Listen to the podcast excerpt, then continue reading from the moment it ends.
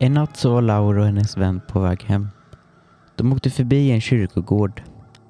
Men, men Laura såg att det stod en lång person helt stilla bakom en av gravstenarna. Laura blev bekymrad och frågade sin kompis om de kunde vara i kyrkogården en liten stund och kolla den långa personen. Kompisen sa, kompisen sa ja och så åkte de mot kyrkogården. De gick fram till personen som stod helt stilla bakom en av gravstenarna. Laura lyste med sin mobil och såg att det var en alldeles grå man. Varför står en staty bakom en av gravarna? frågade Laura. Hennes kompis ryckte bara på axlarna. Men när de såg statyns ansikte så hoppade de till sig och rädsla. De såg att statyn förde sig att mannen skrek av rädsla. Jävligt skumt, tänkte Laura för att det, att det är en stor sån staty i kyrkogården.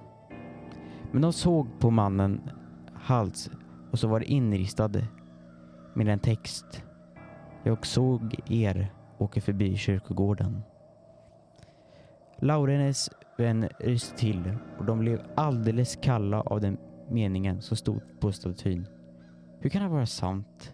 frågade Laura och höll på att skrika.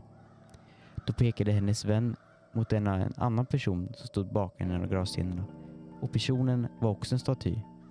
De gick fram till statyn och såg att det förde sig en man som skrek. De ryste till igen och de såg att det var något inristat där också på statyn. Det stod Jag är glad att ni kom. Nej, fan, alltså det kan inte vara så. Nej, nu går vi hem nu. Det här var riktigt obehagligt, sa Laura förbannad. Men när hon vände sig om mot sin kompis så såg hon att kompisen var borta. Hon började leta efter sin kompis.